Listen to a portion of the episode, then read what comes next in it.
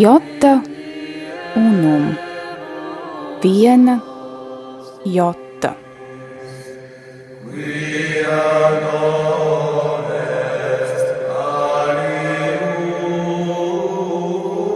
Tradīcija Skaistums, kas paceļas pāri laikam. Skaistais ir paties, skaistais ir labs.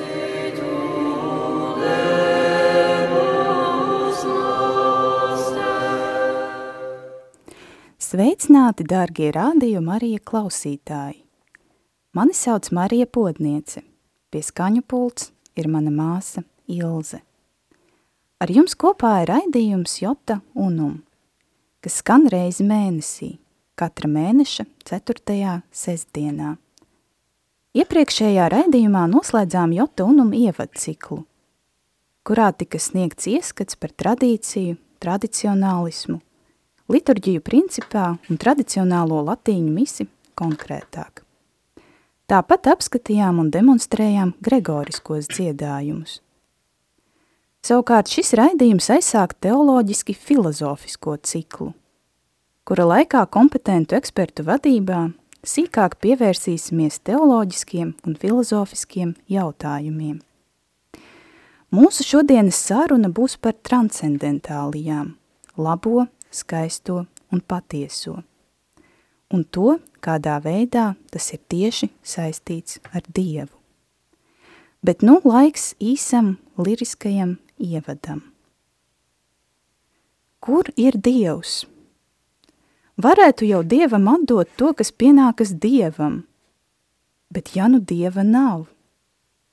Šādus jautājumus vienā no savām dziesmām uzdod dziedātāja Darja Vjārdo. Tādēļ, lai sataustītu debesis, viņa pakāpjas uz augsta krēsla, bet satausta vien tukšumu.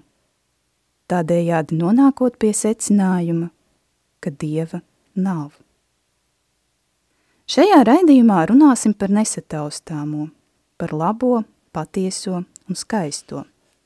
Uzzināsim, kādēļ šīs trīs esamības īpašības tiek sauktas par transcendentālijām un kā tās saistāmas ar Dieva apjaušanu. Lai to noskaidrotu un izskaidrotu jums visu šo sīkāk, šeit rādījuma Marijas studijā ir ieradusies filozofijas doktore, Latvijas Universitātes filozofijas un socioloģijas institūta vadošā pētniece un Rīgas augstākā reliģijas zinātņu institūta profesore Māra Kijope. Sveicināta Māra! Lai ir slavēts Jēzus Kristus. Uh, jā, uh, vispirms, tā kā šī ir jūsu uh, pirmā ierašanās mūsu raidījumā, tad uh, varbūt pastāstiet uh, mazliet vairāk, kas ir Māra Kijopa. Protams, ja neskaita to, ka jūs esat viena no manām mīļākajām pasniedzējām rārzi. Tu mācēji šo jautājumu uzdot tā, Mm, bet man nav dubultota personība. Es varu to tikai pašapziņas līmenī, apzinoties sev pateikt, mēģināt pateikt, bet pēdējā laikā man ir jāatzīst, ka domājot par sevi, es daudz vairāk domāju par tiem cilvēkiem, kuriem pateicoties – kuriem pateicoties esmu saņēmusi daudzas dāvanas, tā, nu, dāvanas no Dieva caur šiem cilvēkiem.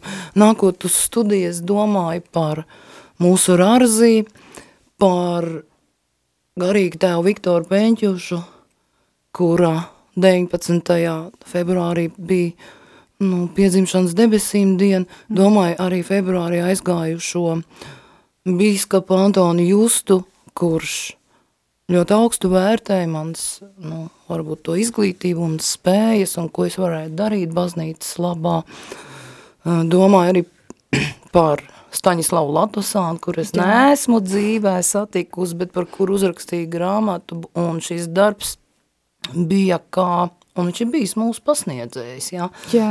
Un kur šis darbs man ir bijis kā, nu, tāda vesela skola, vesels mācību gads viņa viņa vadībā. Un, protams, ar pateicību domāju arī par mūsu visu mīļo kardinālu Jānu Pujātu, kurš ir vienmēr bijis īsts Akvīnas Toma zinātājs mm. un latiņu valodas labākais pratējs baznīcas pasaulē, kā mēs to zinām, un kurš ir šo dzirkstēlu varbūt atmotinājis arī nu, pievērsties Akvīnas Tomam savā laikā. Es domāju arī par jums, par mūsu mīļajiem studentiem, par saviem kolēģiem, Pār to gribēju pateikt, arī izmantojot gadījumu, ka nesen nodibinājām pastorālās aprūpas profesionāļu asociāciju, kas mhm. varēs apvienot gan katehētus, gan kapelānus, gan jebkuru cilvēku, arī jūs esat aicināts, ja jūs studējat šai maģistra programmā, visi mūsu absolventi aicināt, un man liekas, ka sabiedrība kļūst aizvien vairāk tāda, kurai tik tiešām ir vajadzīga palīdzība, un varbūt mēs to arī kaut kā organizēt spētu sniegt. Nu, tas ir tikai Jā. tas, ko es vēlētos pateikt. nu, tā bija tik plaša filozofa cienīga atbilde. Mēs sākām runāt par personu, uzzinājām par lielu, lielu daļu pasaules, par lielu tādu, ko mēs varam darīt, kā mēs varam iesaistīties. Jā. Jūtu, ka saruna būs tāda plaša, un mēs pieskarsimies ļoti tādām episkām tēmām.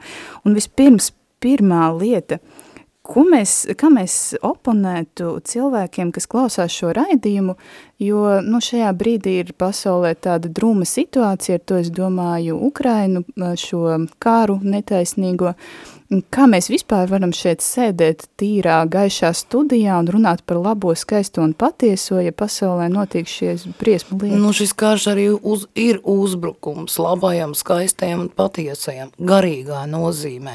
Ne tādā nozīmē, kā mēs varbūt nolaistos politikas līmenī un, un tagad spriest. Protams, ka Ukrainai arī ir ļoti daudz problēmu Mēs zinām, nu, tik tiešām ir, ja, ka es pat esmu to pieredzējis, tur esot ir bijuši gan tur korupcija, gan, gan dažādi, nu, cilvēki pēc padomju, pēc padomju sabiedrības, nu, tādas sabrukšanas turpina būt daudz padomu cilvēku, kas ir alkatīgi, nu, sautīgi, un tas viss ir, tas viss ir arī Latvijā. Bet, saprotiet, tādā ziņā mistiskā veidā notiek jebkuras tautas šķīstīšanās – Un es nerunāju par to, kur tauta labāk vai sliktāk, bet mēs runājam par to, ka tomēr ejot šo ceļu, kur viņi pirmkārt, pirmkārt garīgā veidā aizstāv labo, skaisto un patieso, jo nevienam nav tiesību to sagraut, ieejot Jā. svešā zemē. Un tāpēc mēs arī dzirdējām eh, tēva romāna eh, aicinājumu lūgties, arī piebildīšu, ka īpaši esam saņēmuši šona, aicinājumu šonakt lūgties, jo šī nakts būs ļoti smaga, jo tiešām ir gaidām ieradāmies, ierodamies šo, šie čečeni kaujinieki, ja nežēlīgie, kas, mm. kas es, es domāju, apdraud tīrā, vē, tiešā veidā arī mūsu nu, kristiešus, kristīgās baznīcas, mm. ja, kristīgās svētvietas, kas ir šajā Kievas Krievzemē, mm. kas ir Ukraina. Ja? Jā. Un eh, eh, tādējādi tā cīņa, kā vienmēr ir ne pret miesu un asinīm, tā galvenā ir garīgā cīņa. Un par ko tad mēs par ko mēs iestājāmies, par to, par ko mūsu pasaks ir mācījušas mums no mazām dienām, par labo. Mm -hmm. ja? nu, bet labais, kā mēs runāsim, būs saistīts arī ar skaisto un patieso. Jā, jā, ja, tādēļ runāt par to, nu, nu zini, no otras puses varētu teikt tā, ja cilvēks saprast un domāt par to bieži, kas ir labais, skaistais un patiesais, tad varbūt nu, arī būtu mazāk ļaunumu pasaulē. Jā, tieši tā. Un tad varbūt uh, sekojot arī raidījuma tradīcijai, ka mēs uh, pašā sākumā mm, sākam ar definīcijām, tad labais, skaistais un patiesais, vai vispār ir iespējams to definēt kaut kādā veidā, pieņemsim pateikt, labais ir x, y plus z, Eh, patiesais ir vēl kāda cita formula? Nu, teoloģijā un filozofijā, tad, eh, kad mēs runājam par definēšanu, tad mūsdienās tie vairāk ir nevis tādas, nu, vienas rindiņas definīcijas, bet vairāk tas ir tādi apraksti, skaidrojoši apraksti. Un tik tiešām tavs piemērs bija ļoti nu, pareizs, ja, t, nu, humanitāras zināšanas, kā teoloģijā un filozofijā, arī, protams, literatūrā un citur, viņas nevar tā izteikt tik vienkārši formulā matemātiskā, tas neiespējami, jo tur ir vajadzīgs laiciņš, kamēr tu par to domā, kamēr tevī notiek sapratnes process. Tāpēc sākt varbūt vajadzētu ar to, ka, uh, nu, tātad vispirms, ka ir Dievs. Dievs ir absolūtā esamība. Vienīgi Dievs ir esamība. Mēs visi esam tikai tāpēc, ka ir Dievs. Tas būtu tā kā filozofiski sakot. Teoloģijā tātad ir radītājs un ir radība. Nu, pilnīgi paralēls skaidrojums. Ja? Mēs esam tikai tāpēc, ka ir Dievs. Tāpēc, ka viņš ik sekundi mūs uztur. Ja viņš pārstātu kaut mirkli mūs uzturēt, mēs sabirstu putekļos. Mēs nevaram sevi izsaukt esamībā. Mm. Mēs nespējam sevi uzturēt eksistencē. Vienīgi Dievs, tāpēc, ka viņš ir patiesā esamība, vienīga esamība. Ja? Viņš mūs tātad baro, uztur, izsauc esamībā kopš mūžības, ir par katru no mums domājis. Visa viduslaika filozofiska, teoloģiskā doma, nu pamatā metafīzika, balstās, raugās uz šo Dievu teofāniju, kas ir tātad mūzum degošajā krūmā, mm. kad viņš jautā, ko tad lai saka tautai, ar ko viņš ir runājis, un Dievs atbild, es esmu, kas esmu.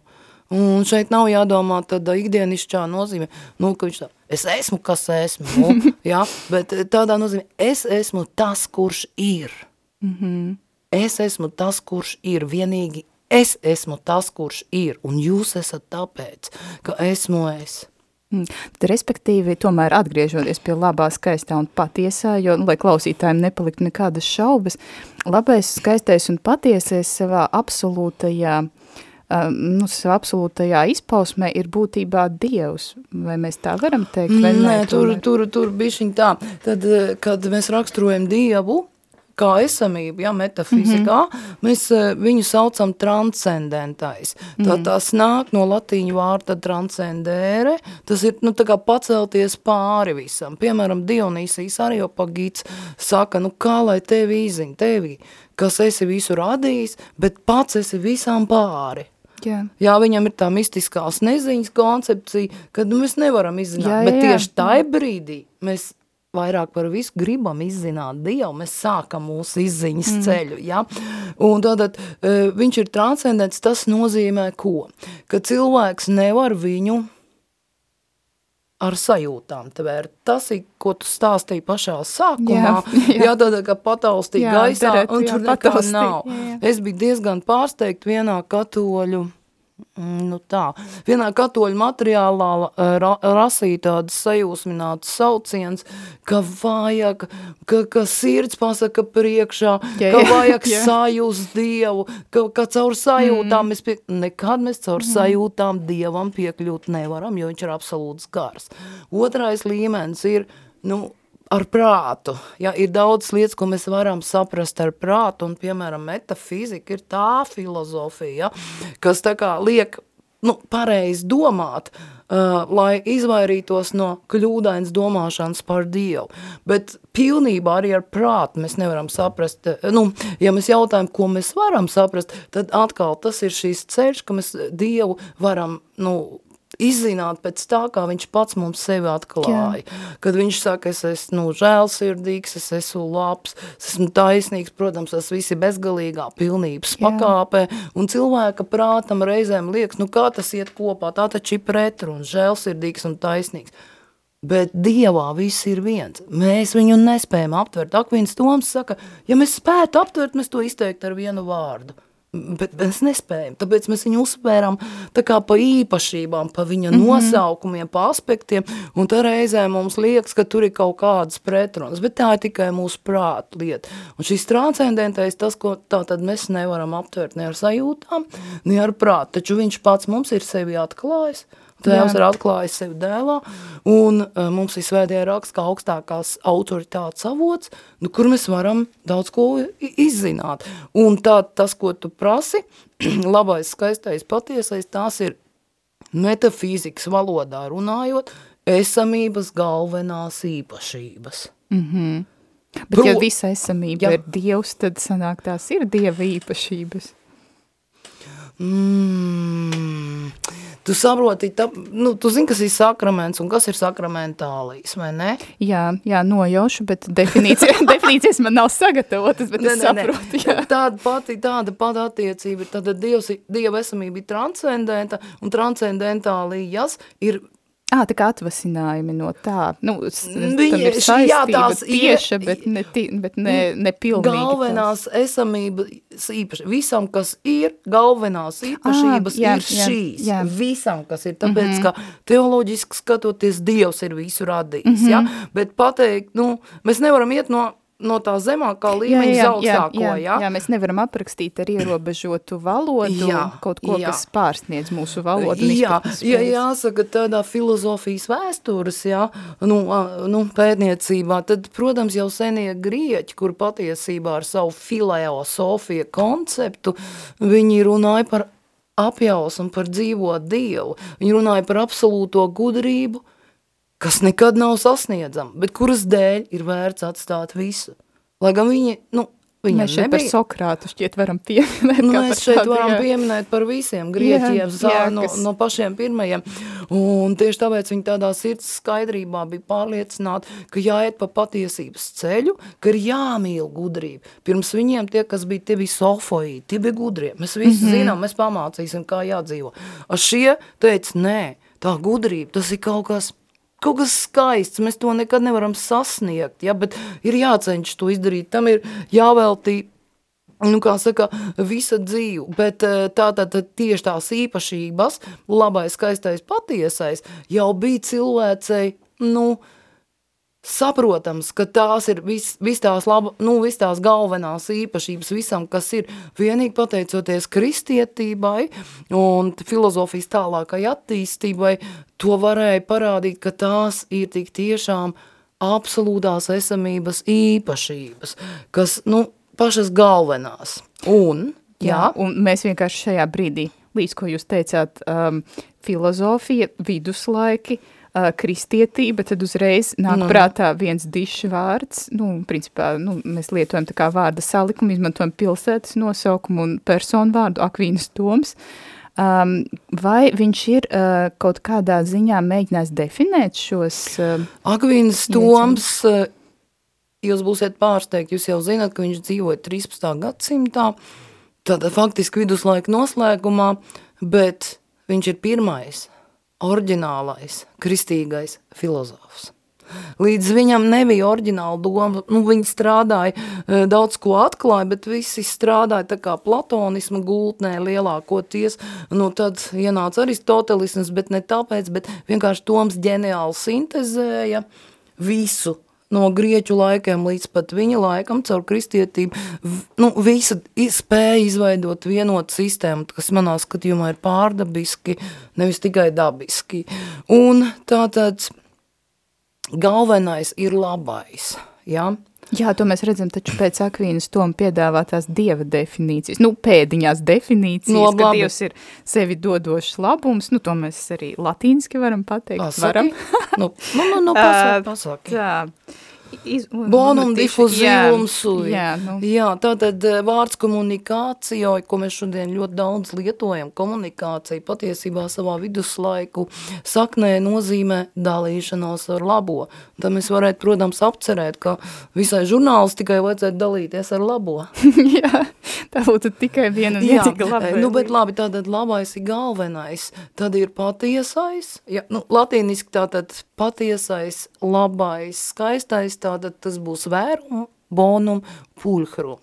Tad eh, loģiski pirmais ir patiesais, tāpēc, ka cilvēkam ir dots prāts, un viņam ir vajadzīgs atšķirt patiesību no meliem. Mm -hmm. Tad, kad viņš to atšķir, tad viņš var dot, eh, nu, prāts, ja, dot pavēli gribai, tiekties pēc labā, jo griba pat pa sev nezin, kas ir labais. Nu, griba ir akla, Jā, Bet viņa grib labu kaut ko, vai Jā, viņa, un tāpēc ir problēma, svētais Augustīns saka, visi cilvēki grib labu. Zaglis, kas uh, iela, jā, ielauž jā. dzīvokli, arī uzskata, ka viņš sasniegs labumu, ja paņems tam cilvēkam nu, kaut kādu mantu, ko pēc tam pārdos, nu, viņš grib labumu, bet viņš nesaprot, tas ir patiesībā ļauna rīcība un nevar vēst pie labuma, ja? Mm. Bet visi cilvēki grib labo, bet ne visi pareizi izprot, kas ir labais. Tāpēc sākumā ir prāta darbība, saprast, kas ir patiesi labs, nu, kas tāds nav, vai sakārtot šos labumus, nu, pēc hierarhijas. Cita lieta, kā mums ir ar gribas spēku, mēs saprotam, ka būtu gan labi šodien aiziet uz svēto misi, bet kaut kā, jā, tu, tur kaut kas uh, cits traucē. Nu, tas, tas ir atkal gribas audzināšanas jautājums, bet jā, tad patiesais pazīstam labo, un labais ir ļoti cieši sajūgts kopā ar skaisto. Tā tas bija arī grieķiem, to izsaka viņu vārds, kaloagatos, kur kalos, ir skaistais un agatas, nu tā kā svēta agata, labā, ja, labais, ja, un Zenta Mauriņa piedāvā tulkojumu daļ labais, bet nu tas... jā, jā. Mums tradicionālistiem tas ir pārāk jā, maigi. Jā, jā, bet viduslaikos viņi nošķir, kad ir tomēr trīs transcendentālīs, kad labais un skaistais. Un viņas ir savstarpēji konvertējums, tas nozīmē kā likums. Ja kaut kas ir paties, tas ir arī labs un tas ir arī skaists.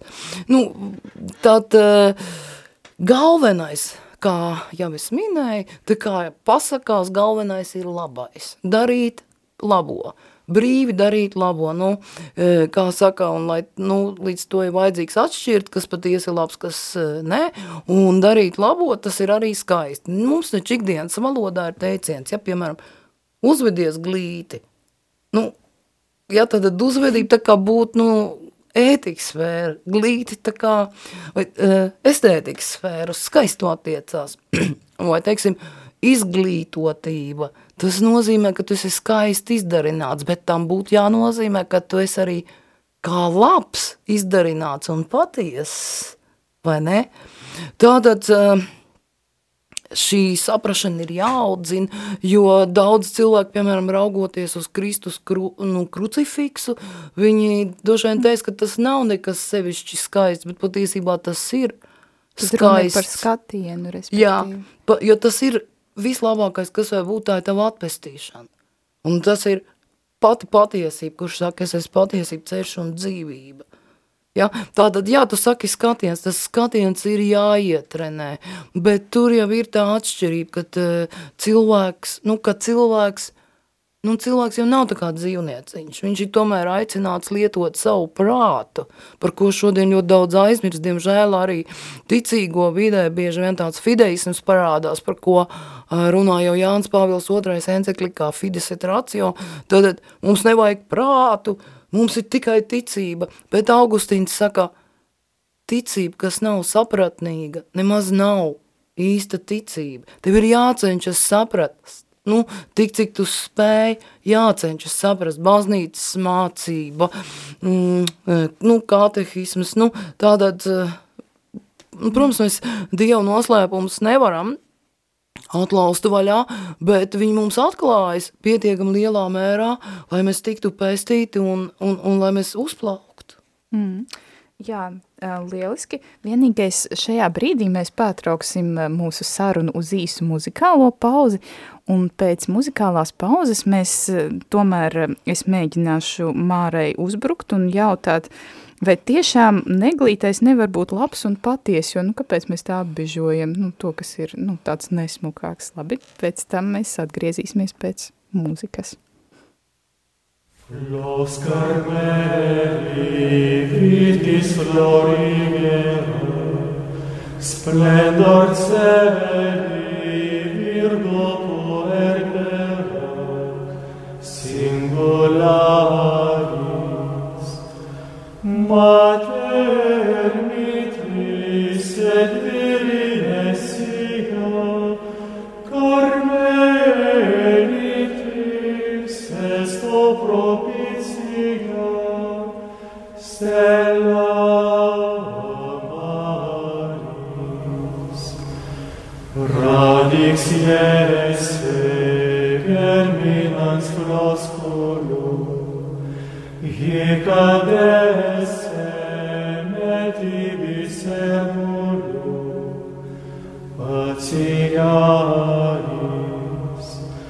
Inter spinas que crescis lirium mentes fragilinum Tutem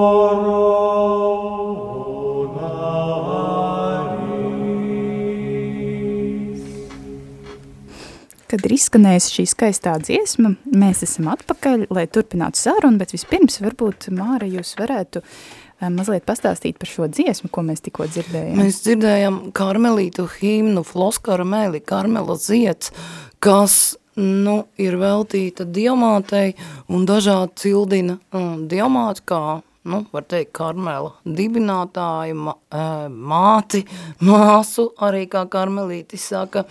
Un, jā, viņa ir laba, skaista un patiesa dziesma. Tas bija laba, labs piemērs, laba ilustrācija mm. mūsu sarunai. Un es gribēju vēl piebilst, es tagad uh, arī varu to redzēt tajā saucamā IWTN Ukrainā, uh, nu tātad televīzija uh, katru vakaru astoņos pulkstens, arī sociālos tīklos to var uh, klausīties, tātad, um, nu, Karmela Tēva Berdičevā, Ukrainā tas ir galvenā Marijāniskā svētvietā, kas ir 40 kilometri uz ziemeļiem no Žitomirs, tātad Baltkrievijas virzienā, Karmela Tēvi dzied šo dziesmu noslēgumā, lūkšanas sākumā, viņi dzied veltījumu Berdičevas diamātei, kas ir, jā, Ukrainas aizbildnis, vienkārši aizdomājos par to, es atcerējos, varbūt tas arī tāds būtisks, interesants fakts.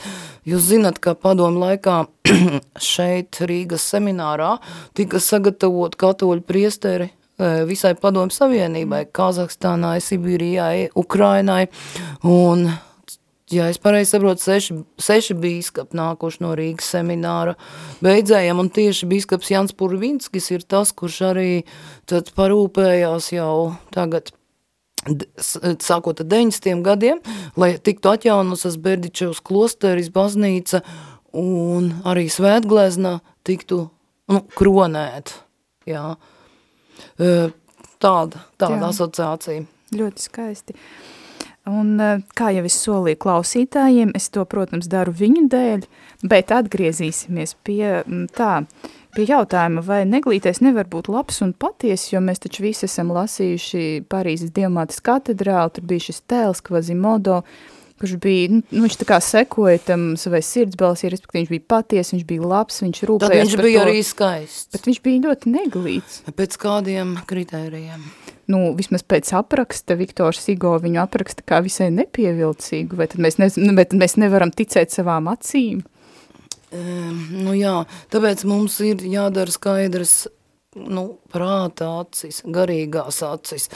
Tik tiešām, tā, jā, ja viņš ir skaists ja viņš ir labs un paties, viņš noteikti arī ir skaists. Teiksim tā, viņš ir varbūt neglīts pēc fiziskiem parametriem, tas būtu precīzāk teikt. Nu, piemēram, kur, man, kur tas bija, man liekas, Spartā, senā Grieķijā, kur nomērīja, uh, uh, nomērīja jaundzimušos jā, jā, un met bezdibenī, ja viņš nebija pietiekam apolonisks. Nu, es nezinu, vai, viņš nebija, vai viņi tie zīdaini nebija skaisti. Uh, labi un patiesi, jā, bija droši vien. Jā. Tātad mēs runājam šeit par fiziskās realitātes mērījumiem, bet īstenībā jau senie grieķi, kā to raksta 20. gadsimta filozofs Hans Georgs Gādamers, ja, kurš atjaunoja viduslaiku hermenētikas tradīciju filozofijā, viņš raksta, kā grieķi saka, neglītais un ļaunais, un nepatiesais ir tāds, ka varam būtu jābūt paslēptam. Mūsdienu pasaulē ir otrādi. Neglītais, ļaunais, melīgais tiek pasniegti kā patiesais, labais un skaistais. Nu, saprot, jā, šis mm, konvertēšanās princips, ka labais, skaistais, patiesais ir, nu, vienmēr savstarpēji saistīti, tātad labais vienmēr būs skaists un uh, paties, paties vienmēr labs un skaists, un skaists, labs un paties, ja, tas pasargā no tā, kad varētu runāt, piemēram, par tādām parādībām, kā skaistā raganiņa. jā, jā, ir, ir, ir šādi. Nu, saprotiet, tā cilvēku uztver domāšana tiek mainīta, un lūk šī metafizika, metafiziskā domāšana, kur, protams, dažādi ir pulgota, uh, gadsimtu gaitā. Viņi tieši aizsargā cilvēku domāšanu, lai viņa domāšana par esamību, viņa esamības domāšana būtu pareiza. Tātad mums e, kaut kas var kaut kas var nu, neatbilst kaut kādiem standartiem, bet tas nav tas rādīta. Paklau, nu viss padomi laika, piemēram, nu, cilvēkam bija dažādi no attīstības traucējumi, vienalga psihiskie vai, vai fiziskā, nu kā toreiz teica, invaliditāte, viņi nedrīkstēja uz ielām parādīties. Mm. Tāpēc, ka viņiem nu, būtībā uzbruka, jā, viņas lamāja, viņas atgrūd, jo viņi taču ir neglīda. Kā tu zini? Nu, es domāju, tā rīcība pati par sevi bija neglītāka nu, nekā šo cilvēku izskats. Nu, tā, tātad mēs runājam, ka fiziskā līmenī mēs varam izdarīt kaut kādus mērījumus, bet tas neko nenozīmēs, jā? Ja? Ir tiešām cilvēks, tāpēc ir cilvēks aicināts būt kultūras būtne, garīga būtne, lai viņš re, iemācītos redzēt un atšķirt, kas ir patiešām patiesība, labums, skaistums. Jā, bet šajā brīdī mēs eh, pārējām uz šo nākamo lielo jautājumu. Jā, mēs esam tikko ir definēts šis aicinājums, bet kā mums šķīstīt savu skatienu, jo, nu, jautājums jau ir tad par skatienu tādā gadījumā. Jo, nu, protams, ir šis uh, arī tomēr šie objektīvie kritēriji, nu, mm, tā kā... Nu, objektīvie kritēriji, tad paskatīsimies... Ir klasika, kā jā, teikt, jā, jā, jā. Klasi, Grieķu skulptūras, kuras nu, mums paga, patīk. Paga. Tā, tās nu gan ir vēsturiski mainīgas, es kā tagad atceros, kā mēs vidusskolā mēs vienkārši ne, ne, nespējam valdīt smieklus, kad mums rādīja dažādas, nu, Jā. dažas vēsturiskās personas, kas skaitījās savā laikā, baigās skaistuls. Mums viņš šķit, nu, tas, tas pilnīgi galīgi kaut kas tāds neaprakstāms. Bet Mona Lisa tomēr patīk cilvēkiem, nu, tajā gleznā tomēr ir tā kaut kādas, es nu, tas pat nezinu, kas viņi ir. Nē, nu, bet... Es nezinu, vai tur pati... ir transcendentais vai infernālais. Nē, vai arī tas ir tāds, ā, tad jūs to vairāk liktu kā tādu pūļa efektu, ka vienkārši tas ir, uh, tad ir jāpatīk un tad mums patīk šī ir, klaisa. Ir, jā. Pirmkārt, ir tomēr katrā kultūrā, katrā, nu, laikmetā, protams, ir savi tie kritēriji, nu, tie saucamie, ko sauc objektīvie kritēriji, protams, ka jā. To taču var pat redzēt, nu, viena gadsimta laikā, tagad, kad mums ir pieejamas fotogrāfijas, nu, kas skaitījās, tur ļoti skaista frizūra, un, nu, labi, pa 20 gadiem tas atkārtojas, vai kas skaistā, skaidās moderni un skaisti, un tad tas vairs tāds nav. Tas ir viens līmenis, protams, jā, ka, ka nu, ir, piemēram, mēs strādājam pie projekta par padomu laiku, tad tur tā, tur bija kā skaistuma paraugs padomu savienībā skaistījās visās tajās, nu, piemēram, kad aizvietoja baznīcas rituāls, ja tā tad aizliedz, viņas aizviedo ar sociālistiskajiem rituāliem, un tad visā, visā nu, nu, piemēram, Krievijā bija brīnišķīgs galds, pie kur pienāk jaunaulādie, kas ir klāts ar zaļu vadmalu, ja, un tā bija viss caur. Un tad speciāli instrukcija iedeva attiecībā uz Latviju, ka tur jādomā par gaumas jautājumiem, jo tas uzreiz atsit. Nu, latvieši uzreiz iet ieraugt tur visu to, tās drapērijas, visas tās zaļos, zaļās vadmals un, kā saka, tās kristāla vāzes, tas ir neglīti. Mēs to izjūtam kā neglīti. Un es arī nesaku, ka Krievi, ja, teiktu, mm. ka tas ir glīti, bet padomu ļaudiņi, tas ir milzīgi šīki, ja. Jā, protams, ka... Bet tad ir tomēr tāds kaut kāds skaistuma kods, kas, nu, nu tomēr ir tāds pārlaicīgs. Akvīns Toms saka tā, kas es sakšu no 20. gadsimta. Hans Georgs Gādamers saka, skaistais ir tas, kura vērojumā rimst visas ilgas. Akvīnas Toms saka, tātad skaistais ir samērīgais. Tam ir jābūt proporcionālam, skaidri, nu, caurskatāmam, saprotamam atbilstošam, kur ir tas āķis, atbilstošam cilvēka uztveres spējai. Proti, cilvēka prāts ir tā iekārtots, Dievs ir devis cilvēkam prātu, kā arī skaisto, nu, viņš izmanto pasaules izziņā. Un, ja tas pārsniedz, pārspīlē, mm, vai tieši otrādi ir pārāk maz, Nu, atsakot, ja nav tās proporcionalitātes atbilstības, kad mēs ar to savu skatienu, ar, nu, ar prātu, izmantojot, skatāmies uz kādu lietu un, nu, mums kaut kas tā kā mēs teikt durācija vai griež ausī, ja, nu, tad tas nav tas skaistais. Mm. Nu jā, es visus šos jautājumus, protams, Tad uzdod, jā, eh, patiesībā lai... problēma ir cita. Problēma ir tāda, Saka, skatiet, problēma ir tāda, lai tas cilvēku prāts būtu kopts, lai būtu prāta pastorāle notiktu, ja, regulāri sabiedrībā, lai cilvēkiem būtu, nu, skatiens ir vajadzīgs, lai būtu svētīgs prāts. Prāts, kas ir Dieva apgaismots, kur ir šī dabiskā gaisma, kas brīvi spīd, ko neaptumšo grēks, un aptumšo, tad mēs ejam pie grēksūtas, un tad mēs redzam lietas tādas, kādas tās ir. Jautājums ir par to, par realitāti. Ja? Vai mēs redzam realitāti tādu, kāda tā ir? Tad tā no manas puses būtu naiva tāda mm, cerība, ka nu, man vienmēr ir cerība uz to, ja cilvēks eh, saskarsies ar šīm transcendentālajām, tad tas nenovēršami rezonēs cilvēkā. Jā, pareizi. Tā Jā, ir pareizi. vai nav. Bet, ir. Ja tomēr, bet ja cilvēks ir noslēdzies un ja tas viņa prāts ir tik korumpēts, tad varbūt tas nu, nenostrādā. Tā tā problēma, bet uh, lielā mērā tas nostrādā pāvests Benedikts 16. vēl būdams kardināls Ratzingers ir daudz par to rakstījis, uh, kā katehēzē ļoti liela nozīme ir skaistajām. Piemēram, mums varbūt tāda pieredze nevienmēr ir, piemēram, Romā mēs varam redzēt šīs baznīcas, konkrēti tā bija laikam Ambro, Milāns Ambrozija un Kārla Boromeo baznīca, kas ir netālu no Spāņu kāpnēm. Mēs ejam iekšā, mēs varam paskatīties, kas tur ir attēlot, kā gleznojumi tikumi. Ja?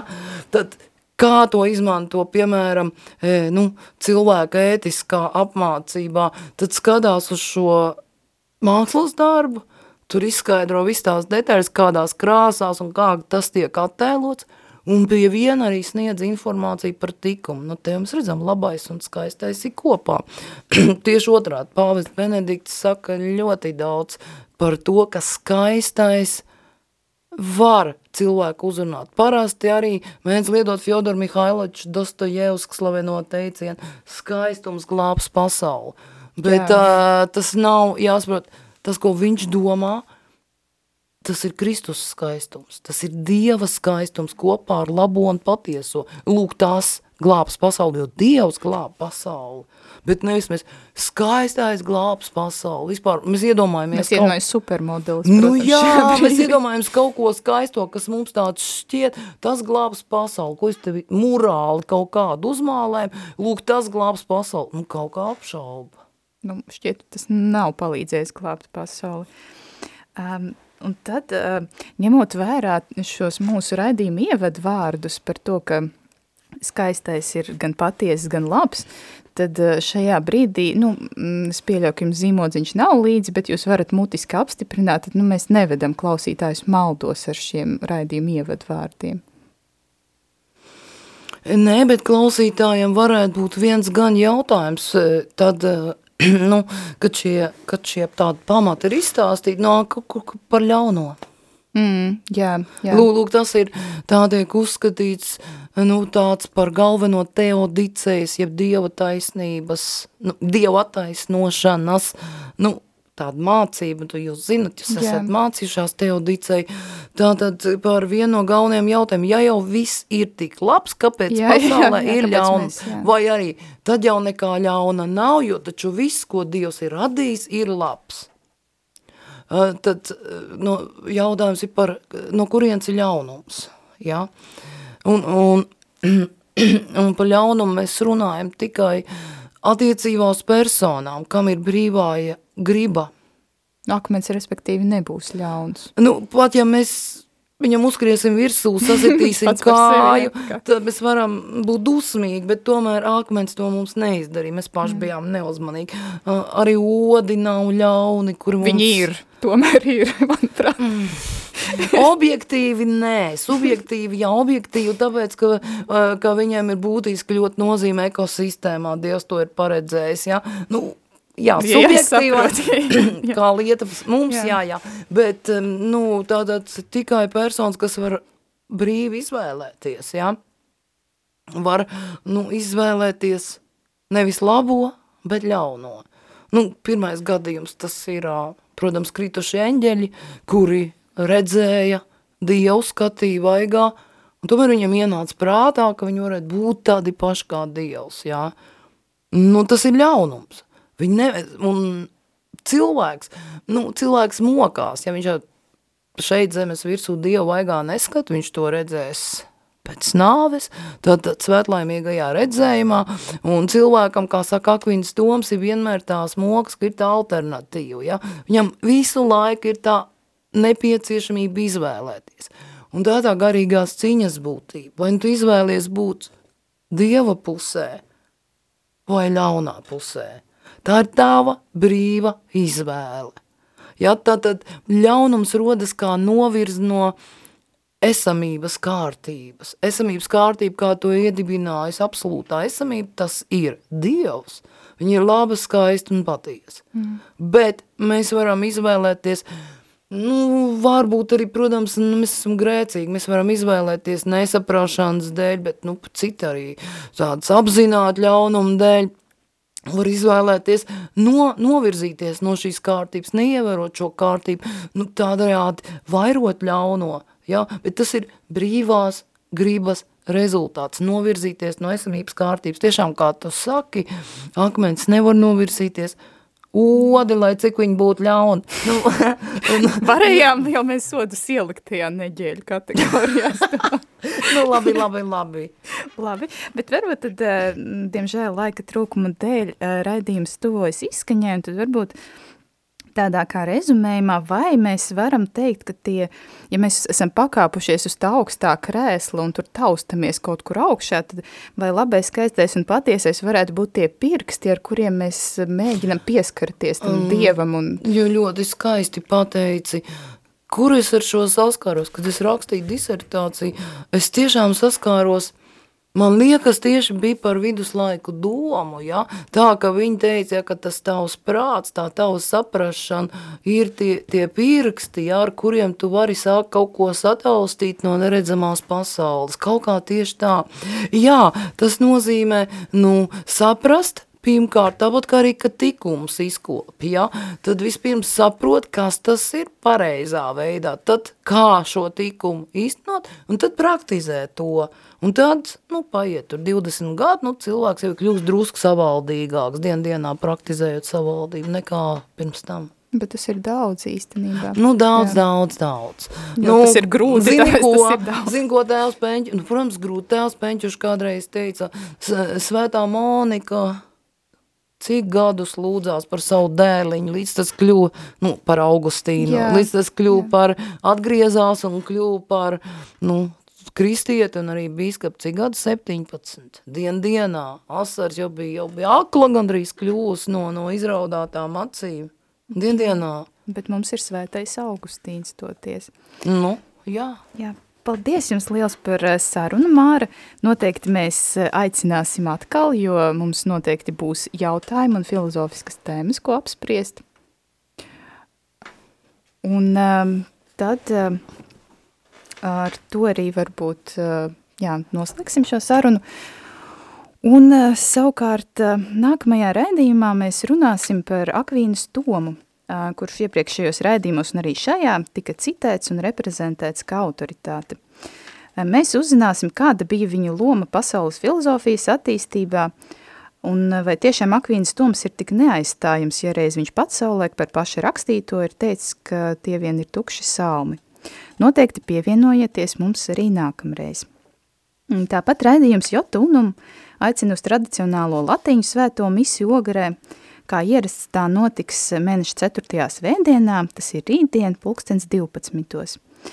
Kārtējo reizi aicinam parakstīties arī par tradicionālās ģimenes jēdzienu nostiprināšanu satversmē. Lūdzu, izdariet to, ja vēl neesat parakstījušies. Tāpat iesaistīsimies sinodālajā ceļā un... Lūkšanās par Ukrainu. Jā, kā arī lūkšanās par Ukrainu man šeit Māra saka priekšā.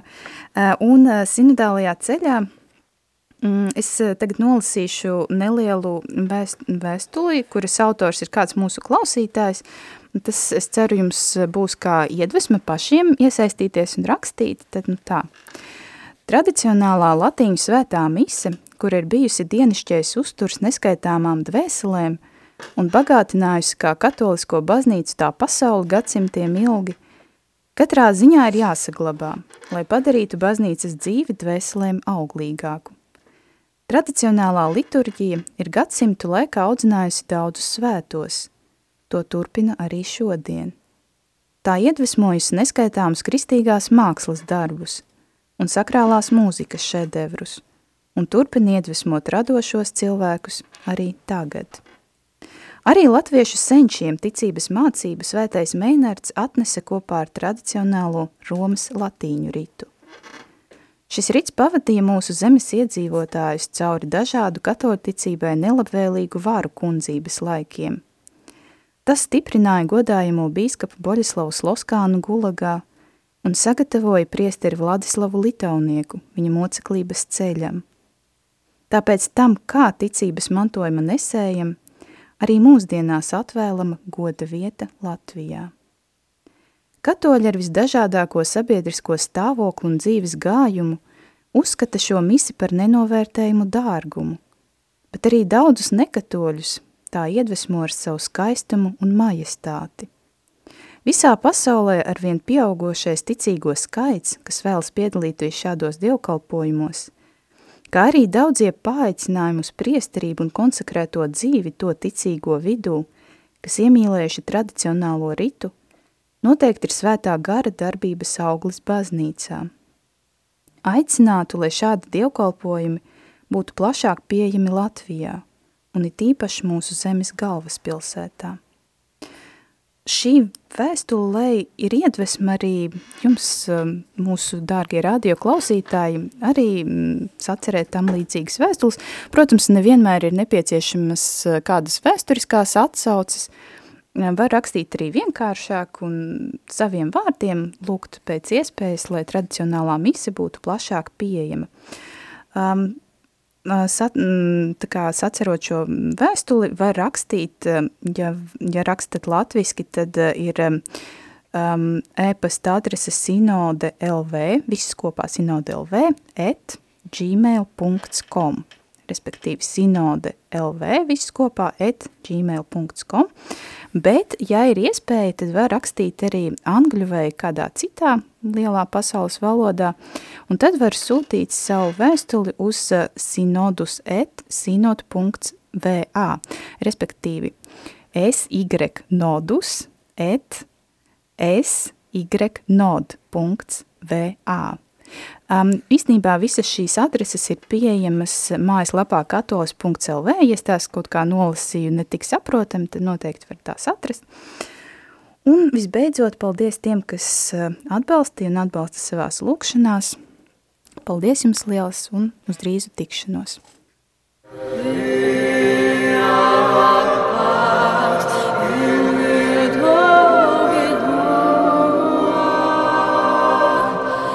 Raidījums Jota Unum ir izskanējis